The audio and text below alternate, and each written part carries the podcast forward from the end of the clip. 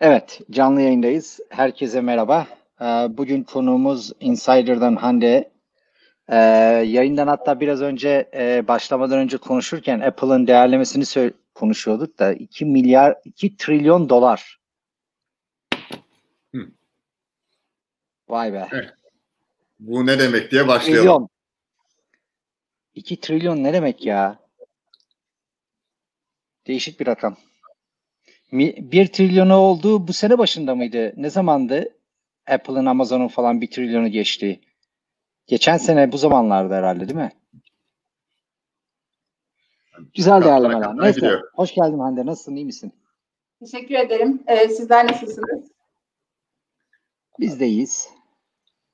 Çalışıyoruz. Biz de sizin gibi haberleri aldık. E, Apple haberlerini. E, nedense aklıma şey geldi. E, şeyi getirdi bu. Biraz önce de sizlerle konuşuyorduk ya acaba mutlular, iki trilyona mı acaba mutlular mı? E, mutluluğun resmini çizebilir misin? E, Abidin geldi aklıma. Ama e, zannediyorum şey e, paradan ziyade bir girişim için önemli olan hani böyle bir sektörü değiştiren bir şey yapmaktır ya. Apple da zaten tarihe baktığımız zaman bunu başarabilmiş bir organizasyon. O yüzden herhalde çok mutluluk vericidir diye düşünüyorum. En azından hissedarları mutludur diye düşünüyorum ben. Kesin, orası kesin. Okay, yani Covid başladığından beri yüzde yüz. Sizin amacınız ne Hande? Insider ne yapmak ister?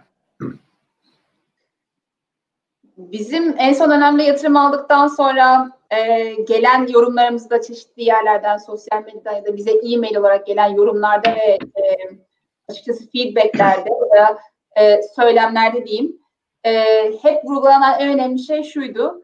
E, biz de insider gibi olmak istiyoruz. Biz de bu kadar globale gitmek istiyoruz. Biz de e, sizin ulaştığınız başarılara ulaşabilmek istiyoruz.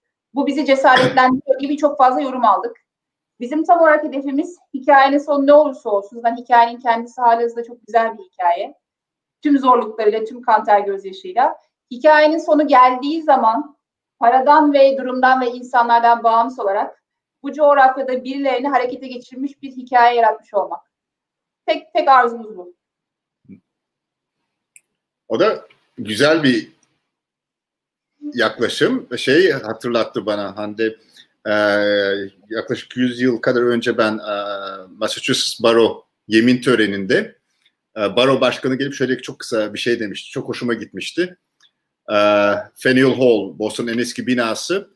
Dedi bakın burası halka açık bir bina. İstediğiniz zaman gelip ziyaret edebilirsiniz. Bundan 30-40 sene sonra buraya bir gelin işte karınızla, e, kocanızla, torununuzla neyse bir dolaşın ve bugünü hatırlayın. Ve bugün o gün arasındaki yap, yaptıklarınız ve yaşadıklarınızı düşündüğünüz zaman şunu diyebilmeniz lazım. I was great. Yani çok iyiydi. Yani para kazandım, işte şirket aldım, sattım değil. Yani çok eğlendim. Yani orada bir hikaye çıkıyor aslında. Senin dediğin bana o, o, o e, baro törenini hatırlattı. O yüzden hoşuma gitti. Diğer bir ifadesiyle aslında what a journey gibi. Hı? Yani şimdiden şey şey gibi hissediyorsunuz. Bu arada bunlar Hı. eskiden böyle filmlerde ya da başka insanlardan duyduğumuz ve bana çok garip gelen e, konulardı. Çünkü ben Mudanyalıyım, çok böyle mütevazi bir e, Anadolu ailesinin kızıyım. E, çok tahmin edebileceğiniz şartlarda çok tahmin edebileceğiniz e, böyle traditionlar yani gelenek ve göreneklerle büyüdüm. E, her ne kadar babam çok seyahat ettiği için dünya vizyonum birazcık olmuş olsa da yine böyle şeyler aklımızda hayalimizde hiç yoktu. E, ve şey o zamandan bu zamana geçen tüm süreci düşündüğüm zaman birisi işte New York'a gittim dediğimde eskiden bizim için çok büyük bir şeydi. Birisi şu insanla görüştüm dediğim zaman onu çok, o bizim için çok ulaşılama, ulaşılmazdı. Şimdiden daha satış yaptığımız ülkeler, mesela Japonya'daki ilk satışımızı hatırlıyorum. Sonra New York'taki böyle bir dünyadaki birçok insanın ulaşmak istediği yatırımcılar olan görüşlerimizi hatırlıyorum. Mesela Sequoia'daki insanlarla tanışabilme ve onlarla çalışabilmenin bizde yaşattığı heyecanı hatırlıyorum. Ama önemlisi şunu hatırlıyorum. İstanbul'a ilk getirmiştik bundan iki sene önce. Ee, ve ilk Ali Bey de hatırlar. İstanbul'a ilk getirdiğimizde onlara İstanbul'u gezdirirken yaşattırdığımız hissiyatları hatırlıyorum. Çünkü artık o insanlarla alakalı değil. O bizim kendi ülkemizin tanıtımıyla alakalı bir konu. Ee, son yemeğimizde geçen sene yatırımdan önce İstanbul'da toplam beş farklı ülkeden e, belki 10 farklı milletten insanı, yatırımcıları bir araya getirdik. Dubai'den yatırımcılar var, Amerika'dan var, Singapur'dan Sequoia var.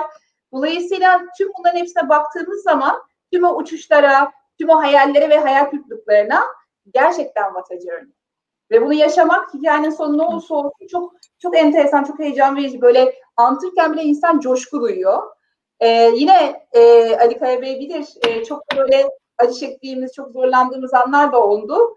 Ama o anları yaşadıktan sonra şey gibi hissediyorsunuz. İyi ki yaşamışım. İyi ki o kadar acıyı çekmişim. Şu an böyle o acıdan sonraki başarı hissinin daha güzel bir hissiyatı ve tadı var. Ee, o yüzden her zaman dediğimiz gibi daha fazla girişimci yetiştirmemiz evet. lazım. Daha fazla insanın bunu hissetmesi lazım ve daha katma değerli işler yapmamız lazım diye düşünüyorum. Neyse çok konuştum buyurun. ha, amaç o. Kimse bizi dinlemeye gelmiyor. Seni dinlemeye geldi katılanlar. Bu arada söylemiş olayım biraz yukarıya doğru bakıyorum. Gözümüz yükseklerde ondan değil. Gözümüz yükseklerde bu arada ama her zaman ayaklarının yerde. O çok önemli. Yani gözünün yükseklerde olması ama ayaklarının yerde olması. Biraz sizi gördüm ekran yukarıda. O yüzden biraz böyle tepeye bakıyorum. Ee, öyle. okay. Evet, genel olarak şeyden biraz konuşmak istiyorum. Bu pandemi döneminde ne yaptınız? Yani yatırım aldınız. Çok büyük bir başarı bence bu dönemde bazı şeyler. Nasıl bir tecrübeydi? Biraz paylaşabilir misin tecrübelerini? E, tecrübeler konusunda ben birazcık samimi olacağım. Çünkü buradaki insanlar oturup böyle işte bu sohbeti dinlemeye zaman ayırıyorlarsa bence o samimiyette bir sohbet olması bayağı önemli. E, her girişimciye kesinlikle okumasını tavsiye ettiğim e, Ben Horowitz'in Struggle adında bir şeyi var. E, işte Hard Things About Hard Things kitabından bir alıntısı var. Struggle diye girerseniz Ben Horowitz diye zaten çıkar. E, orada şey diye bir girişimciliği tanımlarken işte tatile gidersiniz ama aslında orada değilsinizdir. Tek duyabildiğiniz struggle'dır der. Yani o mücadeledir. Ya da işte öyle dönemler vardır ki kan tükürdüğünüzü hissedersiniz ama kimseye söyleyemezsiniz. Açık söylemek gerekirse bizim için kan tükürdüğümüz bir zamandı. Yani acı olarak o acının şiddetini anlatmak için söylüyorum. Neden? Covid olmuş. ilk defa karşılaştığımız bir şey. Daha CEO olmayı, co-founder olmayı öğrenirken bir de şimdi Covid gibi bir krizi yönetmeyi öğrenmeye çalışıyorsunuz. Bu esnada e, yatırım sürecindesiniz. Tüm dünya, hiç beklemediğiniz şirketler ki sektörde direkt olarak aslında zarar görmediğini düşündüğünüz şirketler, LinkedIn gibi ve bütün rakipleriniz işten çıkarım yapmış. Aynı zamanda da işte uzaktan bunların hepsini uzaktan insanlara dokunmadan, insanları hissetmeden yönetmeye çalışıyorsunuz. Müthiş zordu. Psikoloji çok zordu bence. Bir de siz de içeridesiniz yani evdesiniz. Dolayısıyla e, biz çok zorlandık. Bu anlamda zorlandık. Çünkü her şey çok üst üste geldi. Ama e, o zorluğun yanında bence iki tane çok önemli avantajımız vardı. Bir tanesi Insider'ın kendi sektörü ve yaptığı iş. Çünkü e-ticaret tarafı büyüdükçe e, mesela Amerika son 10 yıldaki 10 yıldaki tüm büyümesine eşit oranda büyüttü e-ticaret pazarını. O büyüdükçe, pazar çok daha hızlı büyüdükçe biz enterprise satışlarımızı yani büyük accountlara yaptığımız satışları online üzerinden de yapabilmeye devam ettikçe ve buna adapte olabildikçe e, bunun üzerine de yatırım sürecinde iyi şirketlerin iyi girişimlere yatırım yapma tandansı devam ettiği için yatırım da gerçekleşti. Bence totale baktığımız zaman fena yönetmediğimiz bir süreçti. Ama benim en çok gurur duyduğum şey, en çok mutlu olduğum şey ve bence insider'ın başından beri hani birkaç tane an var. Çok tavanlarda o mutluluğu ve gururu yaşadığım e, bir şekilde dayanmamız ve iyi insanlarımızı kaybetmememiz için kimseyi işten çıkarmamanın yolunu bulmamızdı. E, ki kaynaklarımız çok kısıtlıydı daha, daha da kısıtlıydı yatırımdan önce. Bunun yolunu bulduğumuz için ve inanın ofisimizde çalışan, temizlikle ilgilenen ablalarımızı bile işten çıkarmadık ki o dönemde yine boş oldukları halde. E, dolayısıyla o benim için en mutluluk ve gurur verici andı. O yüzden o süreç benim adımla yine çok zor. Kriz yönetmeyi öğrendiğimi, öğrendiğimizi birazcık düşündüm. Ama bir yandan da atlattığımız bir dönemdi diye düşünüyorum. Şey, e, bu hep Darwin'e e, söylenir, e, yani Darwin söylemiş gibi söylenir, Darwin değil söyleyen bu e, evrim teorisinden bahsettiğinde hani e, şimdi Türkçesini çevirmekte zorlandım da e, en yani species anlamında en kuvvetli ya da en resilient, dayanıklı olan evolve etmez, büyümez, gelişmez. Değişime en iyi adapte olan değil mi? Tam evet. onu yapmışsınız yani hiç beklemediğim bir değişim e, sizi kontrpiyede bırakmış ve sen o anda o süreci yönetmeyi öğrenmen gerekmiş. Ama zaten kriz yönetiminin en temelde hep verilen üç tane net tavsiyesi. O tavsiyeleri duymayı ve e, uygulamayı e, bilenlere e, aslında bu tavsiyeler. Bir tanesi adaptasyon, adaptable dediğimiz adapte olabilme kabiliyeti ve kuvvetidir. E, ikincisi de hele ki bu krizde bütün şirketlere verilen en önemli aslında öğüt e, nakit nakit rezerviydi biliyorsunuz. Nakitinizi doğru tutmak, doğru şekilde nakit yönetimi yapmak o çok önemliydi. Dediğiniz gibi hani e, en güçlü türün değil, aslında en adaptasyonu güçlü türün e, hayatta kalması mümkündür. Biz de o adaptasyonu çok böyle bir kriz ekibi oluşturarak, COVID ekibi oluşturarak her gece, her gece toplantı yaparak e, çözmeye çalıştık. Bu arada şeyin çok güzel bir taktiği var. Google'ın eski CEO'su şimdi de Alphabet'in yani Google'ın çatı şirketinin CEO'su Eric Schmidt şey der, e, bir sorunu çözene kadar ya da bir ekip çözülmesini sağlayana kadar gerekiyorsa her gün, eğer çözülmüyorsa her saat e, o konuda toplantı yani, toplantı yapıp o sorun çözene kadar insanları doğru şekilde bir araya getirip çözülmeye çözülmeye odaklanıyordum bir dönem diyor. Biz de her gün doğru şekilde yönetmek için bu sorunu her akşam geceliğin saat 11-12 arası, 10-11 arası ya da toplantı yapmıştık o dönem. Geriye baktığında e, en çok iç, içini acıtan ama en çok öğrendiğiniz ekibe en sıkı silleyi vuran ama o yüzden bu kadar hala güçlü olduğunuz hata neydi? Bir hata, bir tane de e, coğrafya kadar ile alakalı bir şey söyleyeyim. hata şuydu aslında, e, işe alımlar konusunda e, daha farklı kriterlerde daha farklı insanları ekibe bir tık daha erken katsak daha iyi olurdu. Bu birincisi.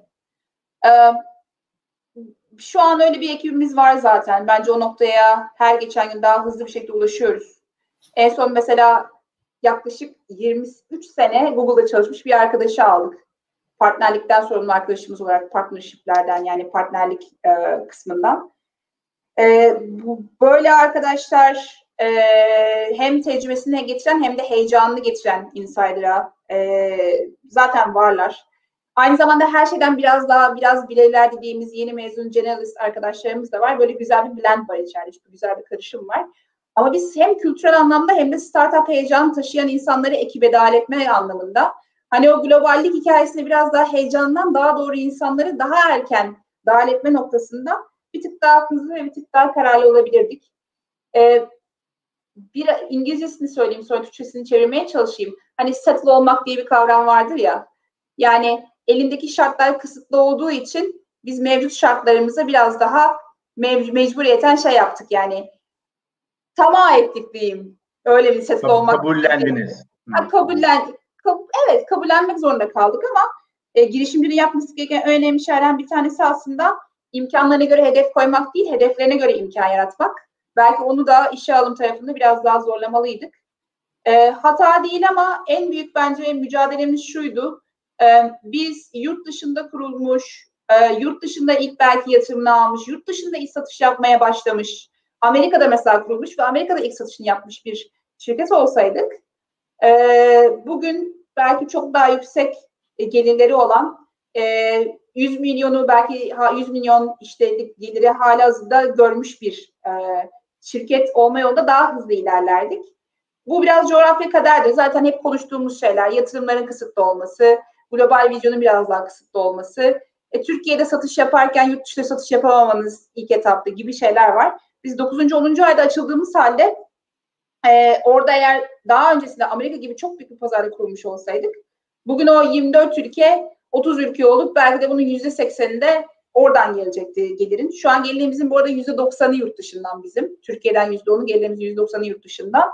Ama o daha bizi daha global anlamda hani o şey çok önemlidir ya bizim sektörde de. Gartner'da, Forrester'da raporlara girip o kuadrantlarda iyi bir yere sahip olmak ve bunu ve buna sahip olmanın en önemli yollarından bir tanesi görünürlüktür. Visibility dediğimiz şey. Biz burada kurulduğumuz için çok iyi ürünümüz olduğu halde, çok iyi takımımız olduğu halde o vizibiliteye, o görünürlüğe çok daha uzun zamanda sahip olduk. Çok daha uzun zamanda geldik. bence çok daha iyi bir noktada olabilirdik. Şu an o noktaya geliyoruz. Mesela en son Gartner'ın e, bizim kendi sektörümüzdeki yani pazarlama yazılım şirketleri arasındaki araştırmasında kuadrantımızda kendi kuadrantımızda kendi alanımızda lideriz. Dünyada lideriz. Bu çok güzel bir gelişme bu arada. Çok gurur verici bir gelişme. Ama o noktaya çok daha erken gelebilirdik. Potansiyelimiz vardı diye düşünüyorum. Peki Amerika'dan niye çıkmadı sizden daha iyi bir şirket? Ee, güzel soru. Ee, bizden daha iyi şirket var mıdır yok mudur bilmiyorum ama e, bence... Ya bu product... sizden daha yüksek olan o zaman yani Şöyle iki işte dediğim gibi daha daha erken olabilirdi. Bence neden bence iyi ürünleri olan iyi şirketler var ama şu an kuadrantımızda kendi alanımızda biz e, lideriz. Bence neden? İki şeyden dolayı. Bir tanesi e, zero optionality'yi bilirsiniz hepiniz. Aslında başka bir alternatif olmaması, başka bir e, opsiyon olmaması insanın hayatta.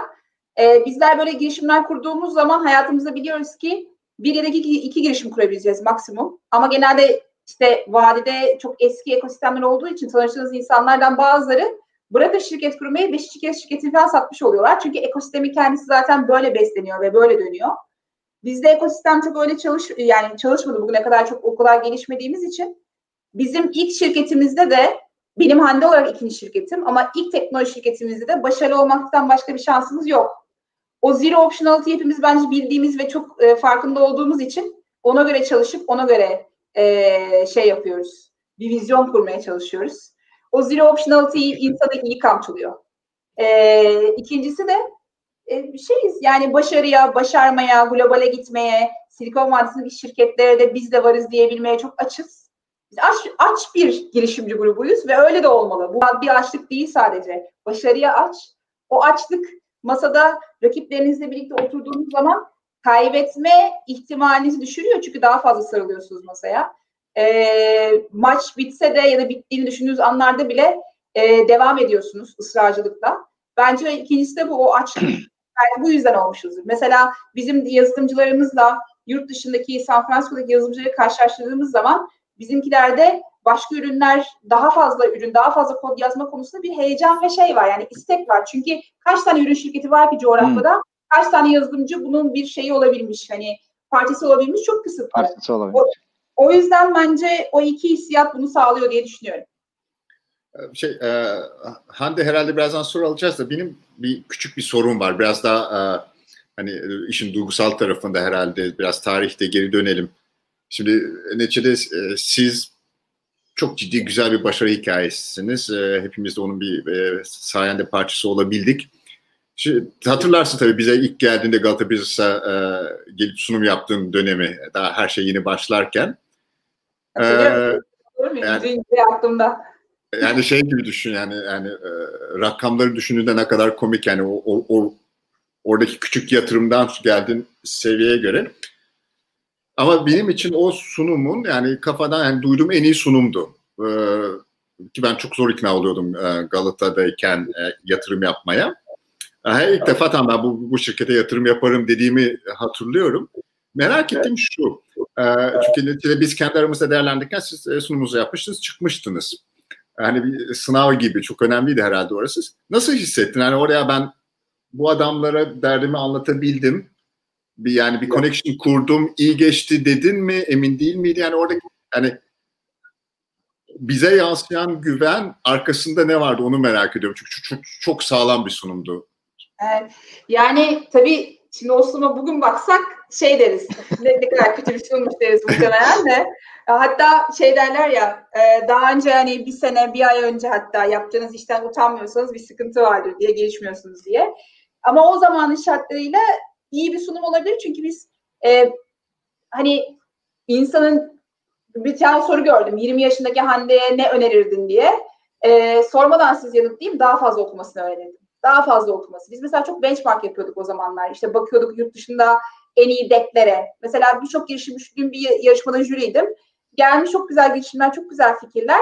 Ama internetten hani e, hani best pitching decks ever bugüne kadarki en iyi pitch deckleri diye bir doğru araştırmayı yapsalar çok güzel deckler çıkacak. Dolayısıyla biz bir defa orada e, o sunumu biraz daha öyle yapabilmemizin sebebi araştırmıştık en iyi pitch deck nasıl yapılır, yatırımcıya nasıl anlatılır diye.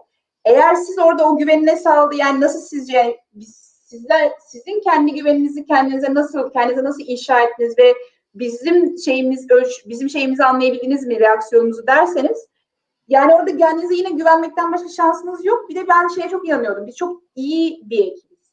Bugüne kadar kendi sektörümüzde birçok CEO'yu ve co-founder'ı daha çok daha doğrusu co-founder'ı tanıma, tanıma şansım oldu.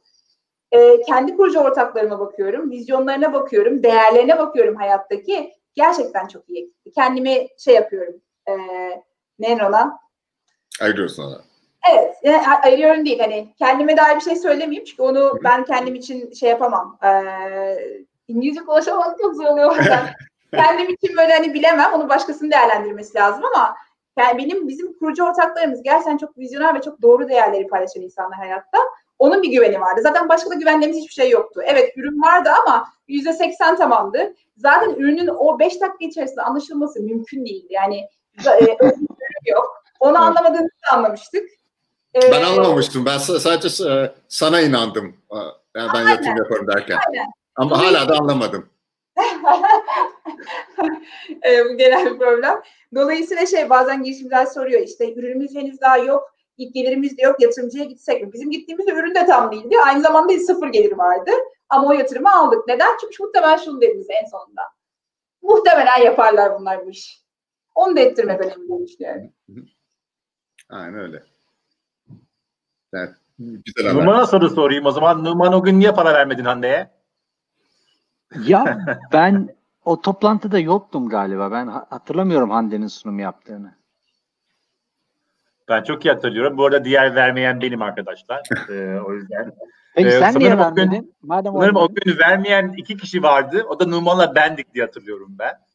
Galata Business Angels'da. ee, o genius'lar. ee, ama iyi ki vermemişiz bu arada. Çünkü verseydik 212 veremeyecekti büyük bir ihtimalle. Bir de öyle bir şey var. Yani hayatta neyin ha, of interest olacaktı değil mi? Mesela bizim konfliktimiz olacaktı. Ee, ha bugün işte gördüğünüz gibi Ömer arkadaşımız gibi emekli olacaktık Insider'dan gelen parayla. Ama e, en azından o kadar. ama maalesef işte biz de fon olarak girdik. Daha sonra girdik. Hala içerideyiz ama ee, o gün olmadı. Bilmiyorum. Belki Numan yok muydu? Belki Numan yoktu. Ben anlamadım ne olduğunu. Soracak kimsem de yoktu. Ee, belki ben ondan girmemişimdir. Ama ben de çok çok net hatırlıyorum sunumu. Ee, Hande'nin veya e, ekibin e, gelmesini çok iyi hatırlıyorum o gün. Bir soru var. Onu soralım mı? Soralım. Hande yorulmadı mı acaba genel olarak? Değiyor mu hayatın bu derece vakfetmesine? Um, Değiyor mu Hande bu kadar? Gece saat 10'da 11'de toplantılar. Atatürk'ün e, lafı aklıma geldi ya. Dinlenmemek üzere yola çıkanlar asla yorulmazlar. Oo. Söyleyeyim bu kadar. Şey, ben hemen rakımı ısmarlıyorum. Bu şey oldu. Ama şey yani yorulmuyorum diyorsun. Yani ben bazen evet, seni dinlerken... Neden, neden niye yorulayım? Yani birincisi bu, aklıma geliyor şey der. Yorgunluk dediğin nedir? Dinlenirsin geçer. Ee, dolayısıyla dinleniriz geçer. E biz bu işe kalbimizi verdik, gönlümüzü verdik. Bu artık hani insan öte, paradan öte e, bir şey. Herkesin hayatta bir varlık sebebi var. Bizim varlık sebebimiz de başka insanlara örnek olabilmek yaptığımız işlerde, bir ekosistemin önünü açabilmek. Ee, e tabii yoruluyoruz, sonra dinleniyoruz, sonra tekrar çalışıyoruz, sonra tekrar yoruluyoruz, sonra tekrar dinleniyoruz. Zaten hayatın döngüsü bu değil mi? Peki siz ekip şey. olaraktan şey e, özür dilerim Numan'cığım şey hemen e, kısaca hani sen ve e, yani bütün Insider ailesi herhalde daha ziyade yönetici ekip hani e, yorulmanın ötesinden kendinize vakit ayırabiliyor musunuz? Hani bir hobi, işte özel hayat vesaire tükendiği için çok yüksek bir tempoda e, yani başarılı olmak çok güzel ama bir yandan da başka şeyler de var hayatta. O kısım hani life work balance diyorlar ya. O, o nasıl gidiyor sizin sevmeli bir girişimci için? Yani girişimciye zaten work and life balance derseniz herhangi bir dünyadaki girişimci herhalde yani o diğer şeyi döver. Neden? Çünkü Hı. Zaten girişimci onun gözü olarak girişimci oluyor. E, biz orada entegrasyonu sağlamaya çalışıyoruz ama bir takım bence değerler var. O değerlerden bir tanesi family first, önce ailelerimiz. O çok önemli. E, ama bu şu demek değil. Yani bu, bu bence çok black and white, çok e, siyah beyaz bir şey değil. E, aile, aile her zaman önce gelir. Aileye vakit ayırmak lazım. Arkadaşlara vakit ayırmak lazım. E, sadece bunları yaparken karar vermesi gereken şey girişimcinin bunların yüzdesi. Yüzdesi olarak belki 9 saat çalışan bir insanda arkadaşlara yüzde elli vakit ayırıyorsa belki bir girişimci için yüzde otuz oluyor. Belki orada aileye yüzde kırk diyorsunuz ama işe yüzde yirmi diyorsunuz. Yani hani o, o bir tamamen sizin karar vermeniz gereken o entegrasyonda bir konu. Ama ben şuna inanıyorum. E, her zaman ekibe de söylemeye çalışıyorum. E, birincisi biz bugün hani e, ya mesela mental olarak fit olmak ve fiziksel olarak fit olmak çok önemli bence. E, biz bugün spor yapabiliyorsak e, ben bugün her halükarda bir şekilde e, alemi göre görebiliyorsam e, arkadaşlarıma mesela ne oluyor? Ben gidemiyorum çünkü vaktim yok ama onlar geliyor ve görüşüyoruz. Yani onlar ofise geliyorlar, ofiste falan görüşüyoruz. Özetle e, hani çok klişe bir saying vardır ya if there is a wish there is a way. Eğer istek varsa her halükarda bir yol bulmuş. Bunu bu kadar kompleksleştirmeye gerek yok. İşte çok çalışıyorsunuz, hayalinizi görmüyorsunuz. Bilmem Yok. Yani eğer istek varsa bunu yapmak için her zaman bir yolunu bulur. E, sporumuzu da yapıyoruz. Bu, bu hobi konusunu söyleyeyim. Hobim normal şartlarda hani birkaç tane hobim var ama şu an biraz daha spor tarafında hobilerim. İstedim ki son 200 seneden beri bir wakeboard yapayım. İstememem gerekiyormuş çünkü daha geçen gün muza bindim. Arkada git üç tane co-founder muza bindik. Önümde Serhat, arkamda Sinan. E, bu programı daha önce yapacaktık, daha önce yapamadık çünkü co-founder olarak bir işte hep beraber lider, ekibin liderleriyle birlikte retreat'e gittik Bodrum taraflarına. Sonra dediğim gibi muza binelim dedik. Bir wakeboard'a girizgah olsun. O sırada düştük.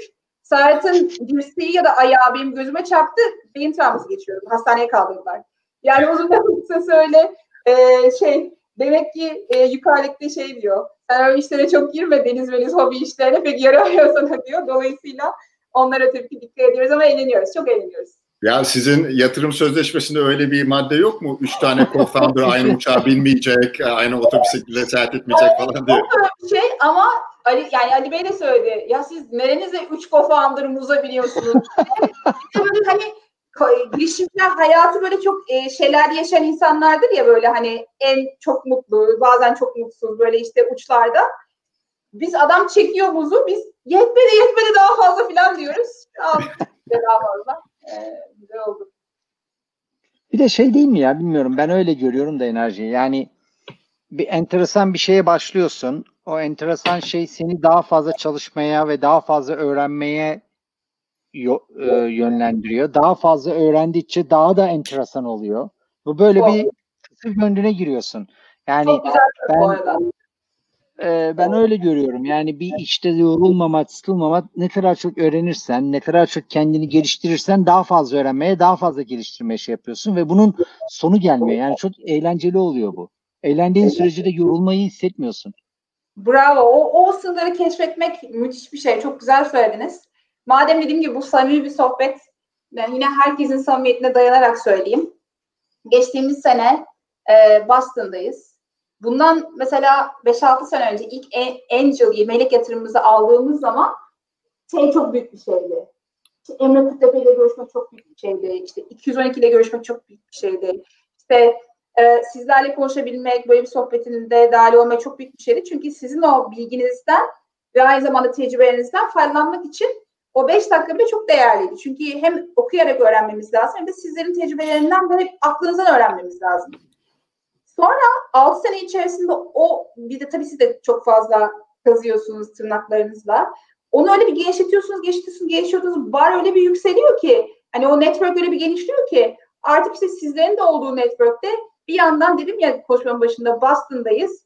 Benim hiç normalde hayal edemeyeceğim. Belki genelde Türk girişimcilerin bugüne kadar çok diyelim ulaşamadığı, hani ne şey ekosistemleri farklı olduğu için ulaşamadığı. Brian Halligan, HubSpot'un CEO'su aynı oradayız. Sequoia'nın Dünya ünlü en ünlü partnerlerinden Pat Grady var. Aynı zamanda bizim sektörümüzün duayeni işte Jason Lemkin var. Aynı zamanda işte mesela Intercom bizim sektörümüzün yine en top şirketlerinden onun CEO'su var. Ve biz Brian Halligan'ın Boston'daki işte ev davetindeyiz. Orada öyle bir ekosistem içerisindesiniz ki de öyle insanların içerisinde içerisindesiniz ki Allah'ım acaba hangisiyle konuşsam, hangisinden hangi input'u alsam diye böyle şey yapıyorum. E, heyecanlanıyorum. Dolayısıyla işte okumak, o network'ü genişletmek dediğiniz gibi yani o büyüdükçe, ceiling yükseldikçe e, çok eğlenceli olmaya başlıyor. E, öyle çok çok bence derin derin bir yerler orası. Evet. Hakikaten değişik. Güzel. Yeni başlayanlara da ne tavsiye edersin? Yani girişimcilik yolculuğuna yeni başlayan e, çünkü aslında bizi seyreden çoğu insan ya girişimci veya girişimci olmak istiyor e, ve insider şu anda bile onlar için çok büyük bir şey, yol açıcı diye düşünüyorum. O yüzden e, büyük bir ihtimalle bu e, yayın ilk defa rekor kıracağız ve 30'a geleceğiz umarım. Hande. E, ama tavsiyen ne olur? Yani tavsiyen ne olur? Yeni başlayanlara, yola çıkmış olanlara, yatırım konusunda, ekip konusunda, ürün, satış, global, Türkiye. Yani çok tabii çok farklı alanlarda çok farklı naçizane tavsiyelerimiz. Aklına gelen birkaç şey. Çok da bu saatlerce konuşabiliriz bunun her birini. Şey konusu, e, globallik konusu her zaman için önemli. Bu dönemde yatırımcılarla daha çok global, global potansiyel taşıyan şirketlere yatırım yapıyorlar. Bence girişimcilerin öncelikle bunu bir anlaması, fark etmesi ve ona göre global potansiyel, global gitme potansiyeli olan belki iş fikirleri düşünmesi lazım. Bu oradaki birinci tavsiyem. İkincisi yatırım konusunda yani bence ilk yatırımı e, kimden aldığınızın daha doğrusu hangi insanın, hangi melekten ya da kimden aldığınızın daha çok önemi var isme göre. Bence orada gerçekten iyi ve sizi destekleyebilecek insanlara ihtiyacınız var. Bence orada marka değerinin hiçbir önemi yok. Çünkü o yani hani seed diyoruz ya tohum tohum yatırımı. Hı hı. Orada ismin bence o kadar önemli yok. Orada hakikaten parayı alıp doğru insanlar size daha sonradan sıkıntı yaratmayacak insanları yanınıza alıp ilerlemeniz önemli. Sonraki yatırımlarda belki bir tık daha marka değeri öne gelebiliyor. Çünkü globale gidecekseniz o size bir network açıyor. Globale gidecekseniz mesela uluslararası tarafta işe alım yapabilmenizi sağlıyor. Çünkü bizim mesela işe alımda şu an inanılmaz olaylar başvuruyor. Geçtiğimiz dönem de öyleydi. Neden? Çünkü Sequoia'nın ismi Amerika'daki Amerika'da mesela McKinsey çalışan adamı insider'e başvurmaya teşvik ediyor. Ya da o yolu açıyor. Belki o zaman başvurmayabilirlerdi. Dolayısıyla bence e, mesela görüyorum bazen girişimciler şey yüzde otuz yüzde kırk vererek işte Kanada'dan Amerika'dan yatırımcı alıyorlar da bulmaya çalışıyorlar. Bence ilk yatırımın o anlamda kimden geldiğini hiçbir önemi yok. İyi insanlar olması önemli. Daha sonraki yatırımlarda onu yaparlar. Bir işi ekselere etsinler. Zaten iş büyüyünce ve ekselere olunca iyi yatırımcılar da gelir. Takım konusunda yani ne diyebilirim ki? Her şey takımla ve insanla alakalı. Sadece bence şuna dikkat etsinler tabii ki kendini geliştiren, gelişim motivasyonu olan insana, insanları alsınlar da tek bir şey düşünüyorum iş alım konusunda yıllardan sonra. Gerçekten isteği olan ama bu isteği de doğru şekilde e, kendine ve etrafındakilere verify edebilen yani açıklayabilen, anlamlandırabilen insanlar almaları lazım. İsteksiz insan olunca böyle kötü bir şey yaptıklarından değil onlar da. Memuriyet zihninde o zihniyetli olan arkadaşlar oldukça yani İsrail ekosistemlerini, Amerika ekosistemlerini bilmeden, oradaki dedikasyonu bilmeden, e, onları anlayamadan e, ekibinize katılan insanlar olunca o insanlar bir şekilde sonra doğal seleksiyona uğruyorlar ve organizasyona vakit kaybettirebiliyorlar. Bunu tekrar açıklamak isterim. Bu şu demek değil. Deli gibi çalışacağız. Evet çok çalışacağız. Evet normal arkadaşlarınıza göre daha çok çalışacaksınız. Çünkü şöyle bir şey var. Organizasyon zaman içerisinde ben de dahil olmak üzere kendisiyle aynı hızda büyümeyen insanları eliyor. En büyük tehlike bu. Bu arada benim için de geçerli. Eğer ben kendimi, kendi gelişim hızını, hızımı, insanların gelişim hızına adapte edemezsem beni deler. Co-founder olmamdan bağımsız ya da CEO olmamdan bağımsız. O yüzden Doğru. o gelişim hızıyla e, başa çıkabilecek o doğrultuda tabii ki biraz daha efor sarf edecek. Ama bu eforu sarf ederken de çok çalışıyoruz, işte hiçbir şeyimiz yok, e, hayatımız yok diye yanlış bir e, kanıya vara, vara varmayacak ve vardırtmayacak e, fikri hür, vicdanı hür arkadaşları aramıza katmamız gerekiyor diye düşünüyorum. Şey, e, ben bir e, bu yatırım demiştim biraz önce. O, o da bana çok mantıklı geldi. Yani ilk yatırım hani da marka değerinden daha ziyade sana e, destek olabilecek birisi demiştim. O bence önemli bir tavsiyeydi. Bir de şey diyeceğim işte biraz önce bu son kapattığınız yatırım e, turunu konuştuk.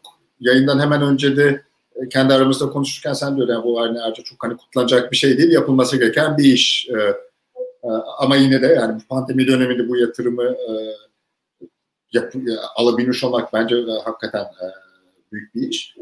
Bir de biraz oradan gidelim çünkü ben bunu başka ortamlarda konuştuğumuzu, Ali ve Numan'la konuştuğumuzu hatırlıyorum. Yani yatırıma aldık girişimci olaraktan aynı güzel 10 milyon dolar geldi hadi kutlayalım.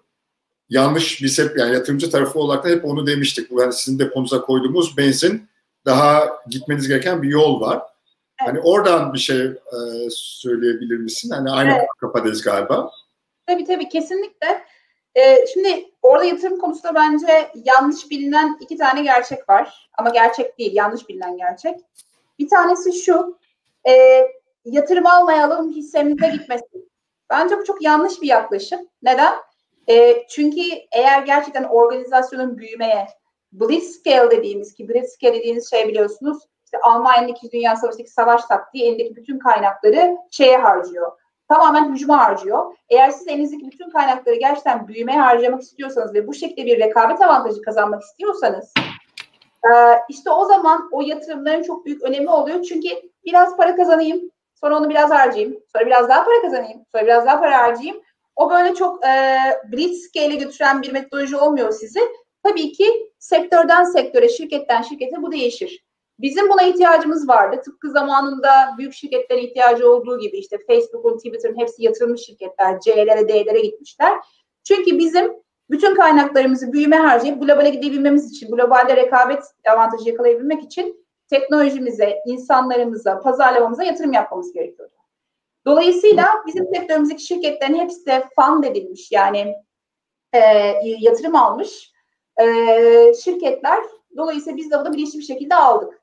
Bazen yorumlarda da görüyorum. Bu arada yani şey böyle bir şey işte hani gerçekten yine burada naçizane kendimden de gördüğüm verebileceğim tavsiye şu. Bence hayatta hayattaki yine en tehlikeli iki duygudan bir tanesi. Ya da iki tane yaklaşımdan bir tanesi. Ee, birincisi bilgi sahibi olmadan fikir sahibi olmak. Bazen görüyorum işte yorumlarda yazıyorlar. Hissenizde kalmadı aman da hissenizde gitti daha başka nereye gidecek bu hisseler falan diye. Öyle bir şey yok tabii ki onu e, ayarlıyorsunuz. Yani gitmeniz gereken noktayı ne kadar hisseniz kalması gerektiği o hissenin hani şey gibi bir şey var ya amiyane tabirde. Bugün Coca-Cola'da 0.00005 hisseniz olsa uçtunuz. E, o yüzden aynı şekilde e, bu yatırımları alırken bunların hepsini düşünüyorsunuz tabii ki. Hisse, hisseniz, hisseniz girişimci olarak Allah şükür daha oluyor. Eğer yanlış yıllar yapmamışsanız, yanlış anlaşmalar yapmamışsanız ne yazık ki angel'larına yüzde 40 verip örnek veriyorum. Daha sonrasında gerçekten hissiz kalmayan arkadaşlar da var. Eğer kuralına göre oynarsanız ilk yatırımda ne kadar vermeliyim, ikinci yatırımda maksimum ne kadar vermeliyim hisseniz kalıyor. O konuda bir endişeniz olmasın. O yüzden bence giriş e, yatırımlar o anlamda e, önemli destekler. Eğer hızlı büyümeyi istiyorsanız, globale gitmek istiyorsanız. E, ama tabii ben şu an soruda kayboldum. Neydi bu Konuşmaktan yine soruda kayboldum. Yok ama çok güzel tavsiyeler vardı bence. Tamam peki. O zaman şöyle ha yanlış bilinen gerçekler diyorduk. Bir tanesi şey işte bu yatırım alma mezuna dair yatırım almasak evet. almayalım mı? Ee, ama ikincisini unuttum. O yüzden devam edelim bence. Tamam ben hemen araya bir hemen bir soru e, biraz bunu açıkladın ama kendini ger- gerçekleştirmenin yolu nereden geçiyor? Muhtemelen bu şeyi belki bir konuşmamı dinleyen bir arkadaşımız olabilir. E, teşekkürler soru için Serkan Bey. E, bu Maslow'un Hierarchy of Needs'te belki bazı daha önce bahsetmiş olabilirim. Self-actualization var yani kendi gerçekleştirme. Tanımı da şöyle geçer.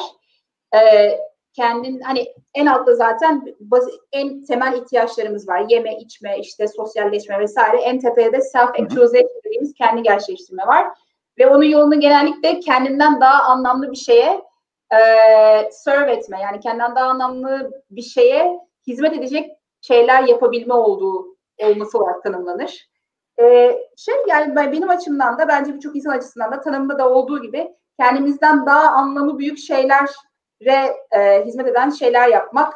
Insider'sın sadece adı insider ve o bir ad. Benim için burası bir şirket ya da insider değil. Benim için burası o işte dediğimiz ekosistemimizi geliştirmeye hizmet eden bir komünite. O yüzden Insider ile ona hizmet ettiğimizi düşünüyoruz. Herkesin kendine dair bence farklı bir hizmet etme yolu var. Kimisi bir, bir NGO'da e, yani non-governmental organization'da çalışıp serve edebilir. E, kimisi Afrika'da gider doktorluk yapar öyle serve edebilir. Kimisi bir blog açar ev hanımlarına yönelik e, onlara e, şey yapar, onlara dair bir şey, e, onlara dair bir içerik sunar. Öyle ona hizmet eder. Herkesin farklı bir e, hizmet etme yolu var.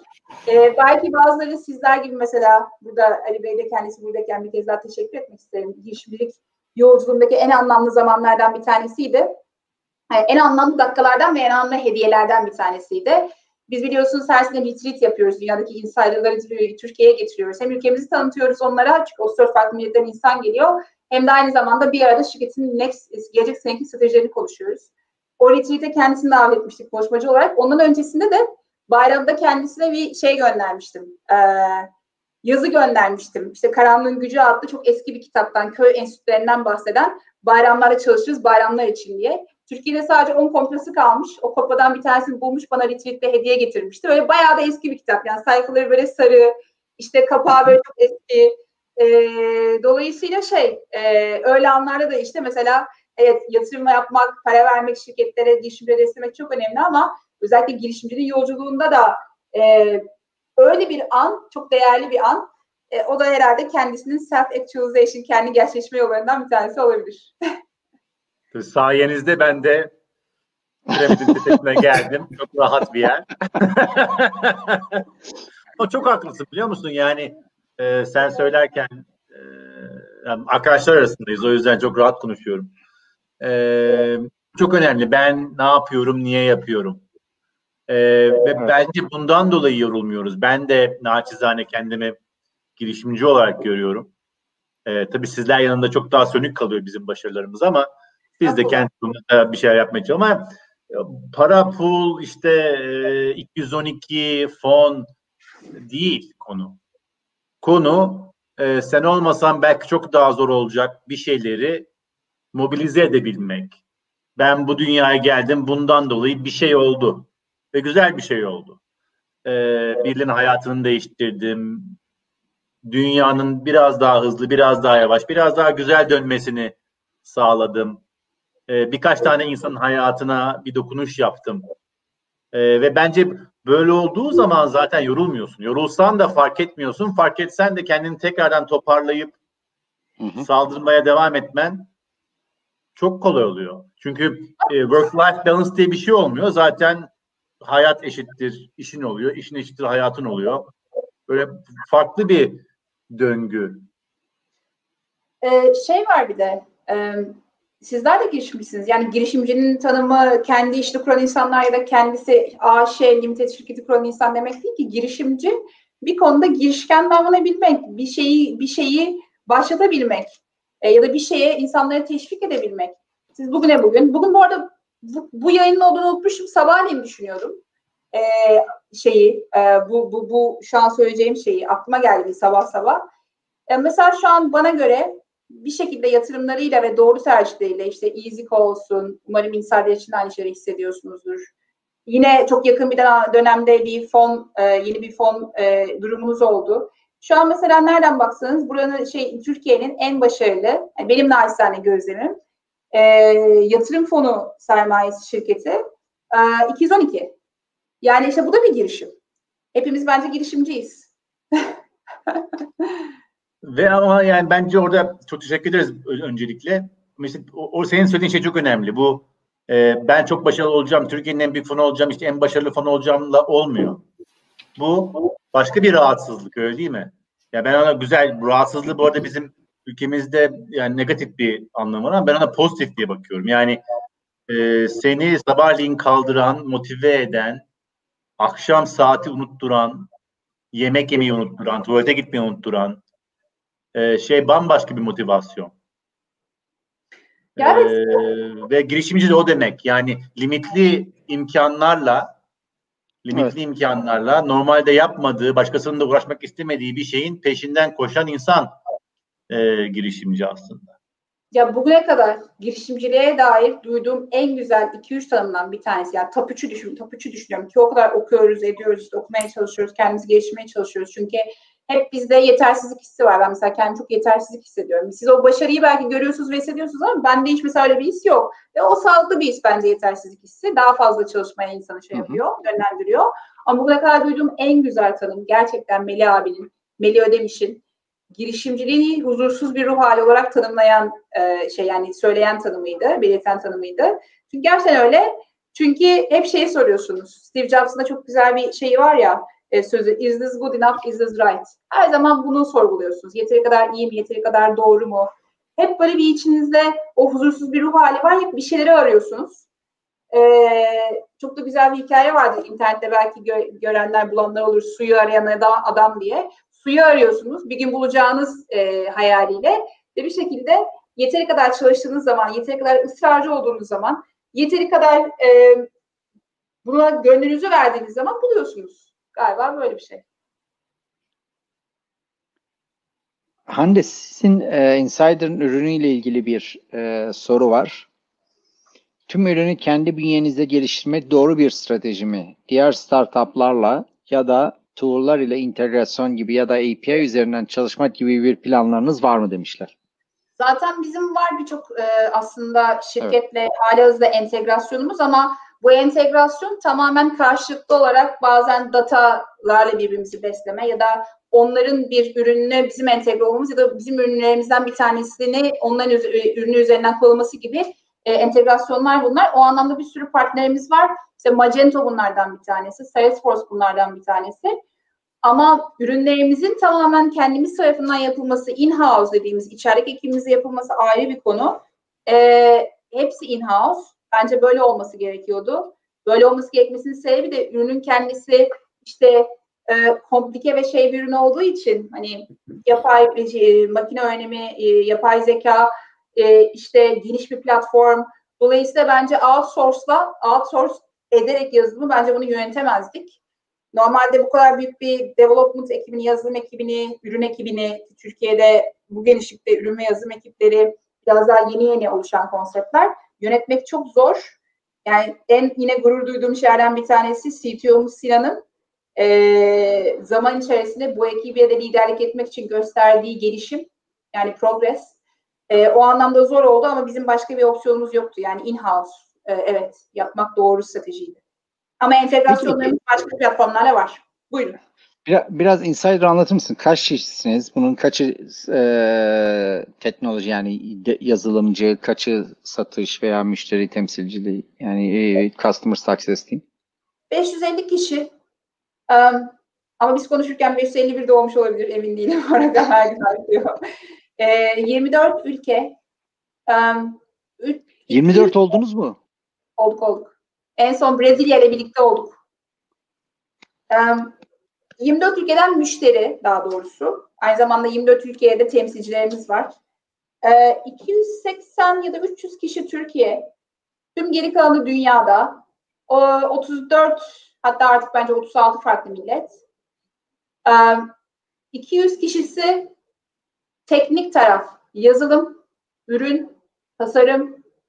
Geri kalan arkadaşlar da destek ekipleri, işte finans, e, istekası, e, pazarlama ekiplerimiz, satışçılarımız ve e, müşteri başarı ekibimiz yani customer success ekibi olmak üzere dağılıyorlar. Bravo. Ben 550 ve e, olduğunu hiç yap, yani farkında değilmişim. Okuman lazım notlarımı bazen. Az yazıyorum not biliyorum da. onları, onları genelde delete'e basıyorum Ali senden gelen e-mail'ları.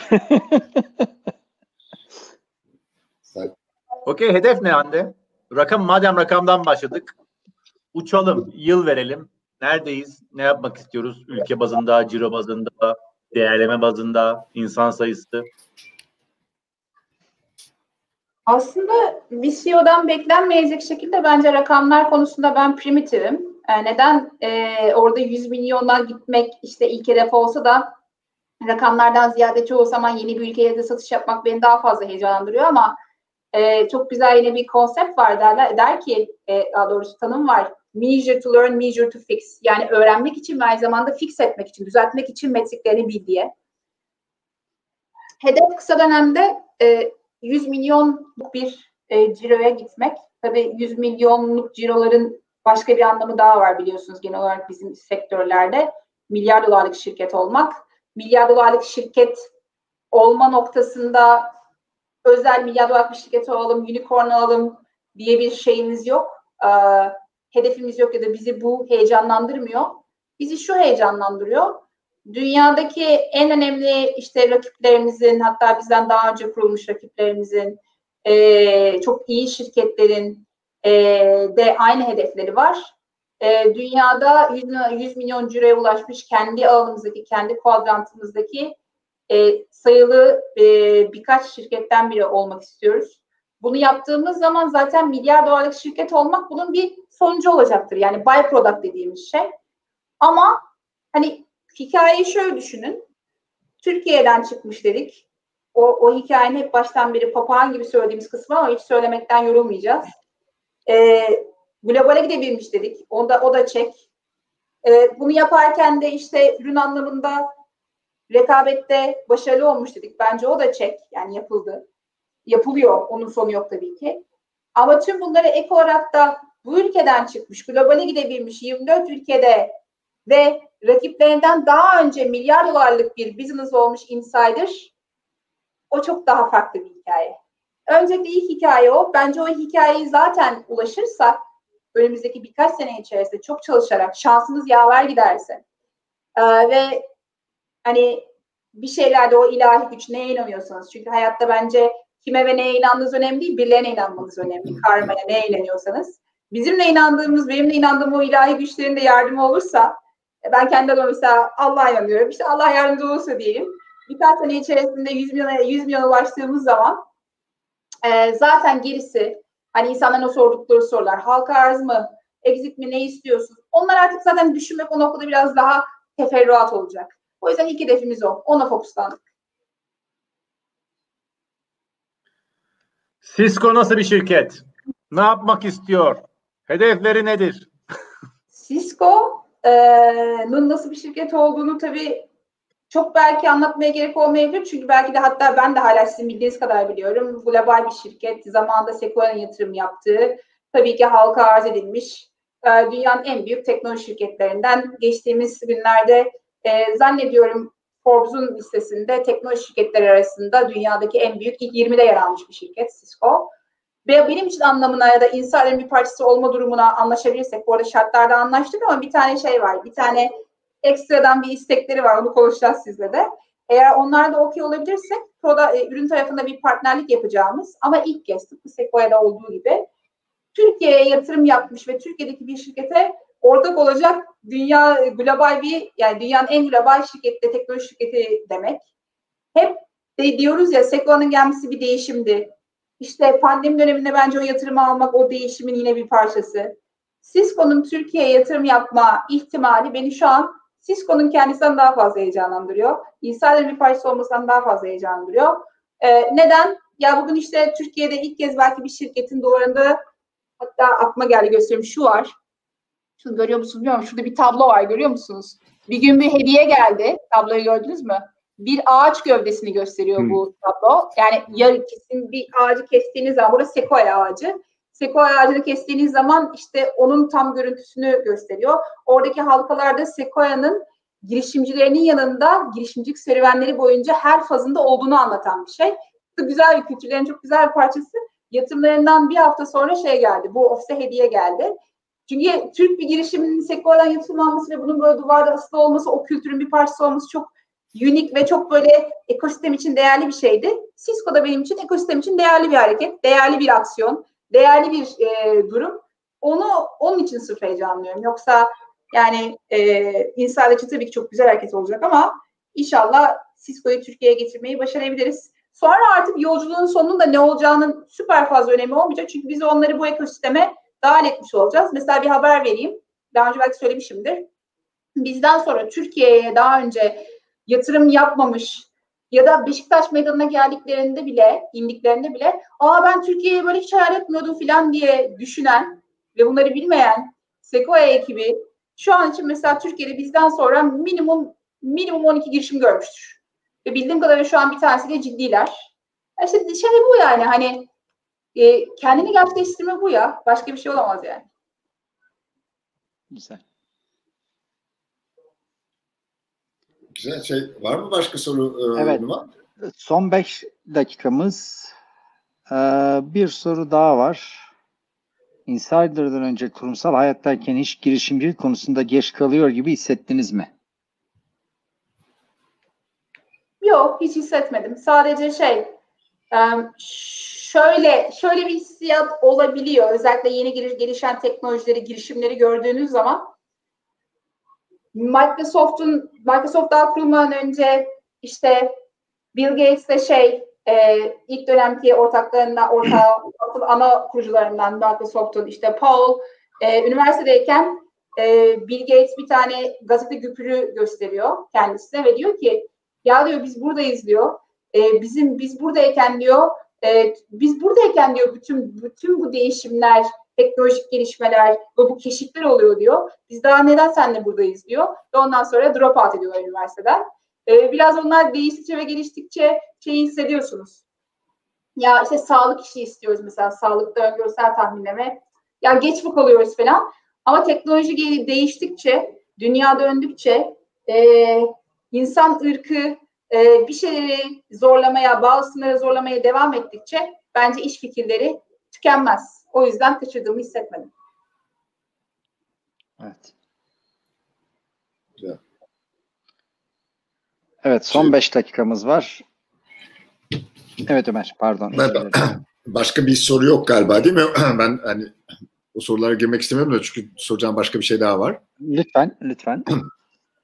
şey um, Hande'cim bu işte Sequoia 212 yani değişik yatırımları e, anladığım kadar çok da verimli kullandınız ve e, yansıdığı kadarıyla e, ilişkileriniz de iyi gidiyor. Ama bu zaman zaman bu, bu platformda gelen sorular hani yatırımcıyla ilişkilerimizi nasıl yönetmemiz lazım? Hani kimyamızın uyduğu, uymadığı işte Ali ile Numan'ın hep söyledikleri bir şey vardı. Siz de hani yatırımcıyı bir değerlendirin, arayın, başkası var mı, alternatif var mı gibi. Şimdi sen de CEO olduğun için tabii e, yatırımcıların e, işte talepleri, sordukları sorular, bazen belki ters gelen şeyler büyük ihtimalle sen de ilk toplanıp Insider'a yansıyordu. Yani böyle kompleks uluslararası bir yatırımcı portföyünü yönetmek nasıl bir şey? Yani, e, yani onun eğer iyi gidiyorsa iyi gidiyor gibi gözüküyor. Ne kadar senden kaynaklanıyor, ne kadar doğru yatırımcı seçmekten kaynaklanıyor? Bence doğru yatırımcı seçmek çok önemli. Bence o işin yüzde yüzde otuzu hatta belki daha fazla yüzde kırkı. Bence yüzde otuz orada şey e, bence bir CEO'nun rolü itibariyle constant optimist dediğimiz yani sürekli her konuda optimist olma ve kalmak zorunda olma güdüsünden kaynaklanıyor. O, o, onu, o durumu yönetebilmek. E, dolayısıyla bu durumu işte yüzde kırk, yüzde elli oradan yüzde otuza, yüzde seksene getiriyor. Bence yüzde yirmi sadece iyi bir e, katalizör olmanın sayesinde oluyor. E, ben şey olduğunu düşünüyorum. E, girişimci bir öncelikle yatırımcılarımızla açık e, bir e, iletişimde bulunduğumu, e, çoğu zaman e, yapıcı olmaya çalıştığımı, istediğimiz ve istemediğimiz, doğru bildiğimiz ve bilmediğimiz şeyleri e, çok açık bir şekilde ifade etmenin faydasını bu kadar hep gördüğümüzü düşünüyorum. E, tabii ki mesela bazen fazla reaksiyon verdiğim, bazen daha az reaksiyon vermem gereken, belki farklı şekilde yönetmem gereken süreçler olabilir, ol, olmuştur, hala oluyor. Bunları yolda çok öğrendiğimizi düşünüyorum. Daha da öğrenecek çok şeyimiz var. Mesela işte seri B yatırımını, seri C yatırımını şu an alsam bazı şeyleri farklı şekilde yapabilirim. Birçok şeyi belki yapabilirim. Ee, ya doğru yatırımcı seçmek çok önemli. Bazı yatırımcılar gördüğüm kadarıyla bayağı daha sonra ne yazık ki girişimcilerimize yani bu kelimeyi kullanmak istemiyorum ama yatırımcılık yapmayı bilmedikleri için profesyonel anlamda bayağı musallat olabiliyorlar. E, kendi işlerini yani business'larını etkileyecek kötü şeyler yapabiliyorlar. E, bizde çok değerli bir board member'ımız var bizim de Fadi Gandur. E, benim için çok değerli bir insandır. E, 212'de tabii ki board'da. E, Ali Bey board'umuzda. O da çok zaten Yani çok ayrı değerlidir bizim için. E, Fadigandur her toplantıda çok güzel bir şekilde bakın orada Sequoia var, orada Amerika'dan yatırımcılar var. Orada da olan bir yatırımcı olarak o kadar güzel tonu seyreder ki her seferinde şey der. Benim fikrim bu ama en günün en sonunda yat, girişimcinin istediğinin yapılması gerektiğini düşünüyorum. Onlar ne istiyorsa onun yapılması gerektiğini doğru buluyorum diye tonu bir set eder. Hani herkes o anlamda şey yapar daha sonra. Şöyle bir ayılır yani. Sequoia'dakiler de, Reward'dakiler de hepimizde. Dolayısıyla günün sonunda girişimci olarak sizin hayatınız buna bağlı. Siz hayatınızı vermişsiniz. Yatırımcılar parasını vermiş. Hayat, para, hayat tabii ki her zaman daha önemli. O yüzden onu görebilecek yatırımcıların masada olması gerekiyor diye düşünüyorum. Çok güzel. Güzel bir finaldi sanki bu. ne dersiniz arkadaşlar Ömer? Efendim duyamadım. Güzel bir finaldi diyorum. Bence çok güzel bir finaldi evet. Ee, Numan senin başka sorun yoksa yavaştan kapatalım. Yok. Hande de bir sonraki ve bir sonraki toplantısında buradan devam etsin. Peki, çok Peki, teşekkür Hande. ediyoruz. Çok Biz teşekkür, teşekkür ediyoruz Hande. ederiz. Ee, biz Numan'la yola çıkarken hayalimiz işte Türkiye'den dünya çapında şirketler çıkar mı idi sorumuz tezimiz. Çıkar dedik. Ee, sayenizde bunun olduğunu gördük. O yüzden teşekkür ederiz. Ee, bu yolculukta bizi de yanınızda götürdüğünüz için iyi ki varsınız. Sağ olun. Bütün Insider ekibine buradan aynı zamanda e, atsız kahramanlara 551 tanesine buradan sevgilerimizi yolluyoruz. Çok iyi bakın kendinize. Çok çok teşekkür teşekkürler. Bay bay. Çok sevgiler.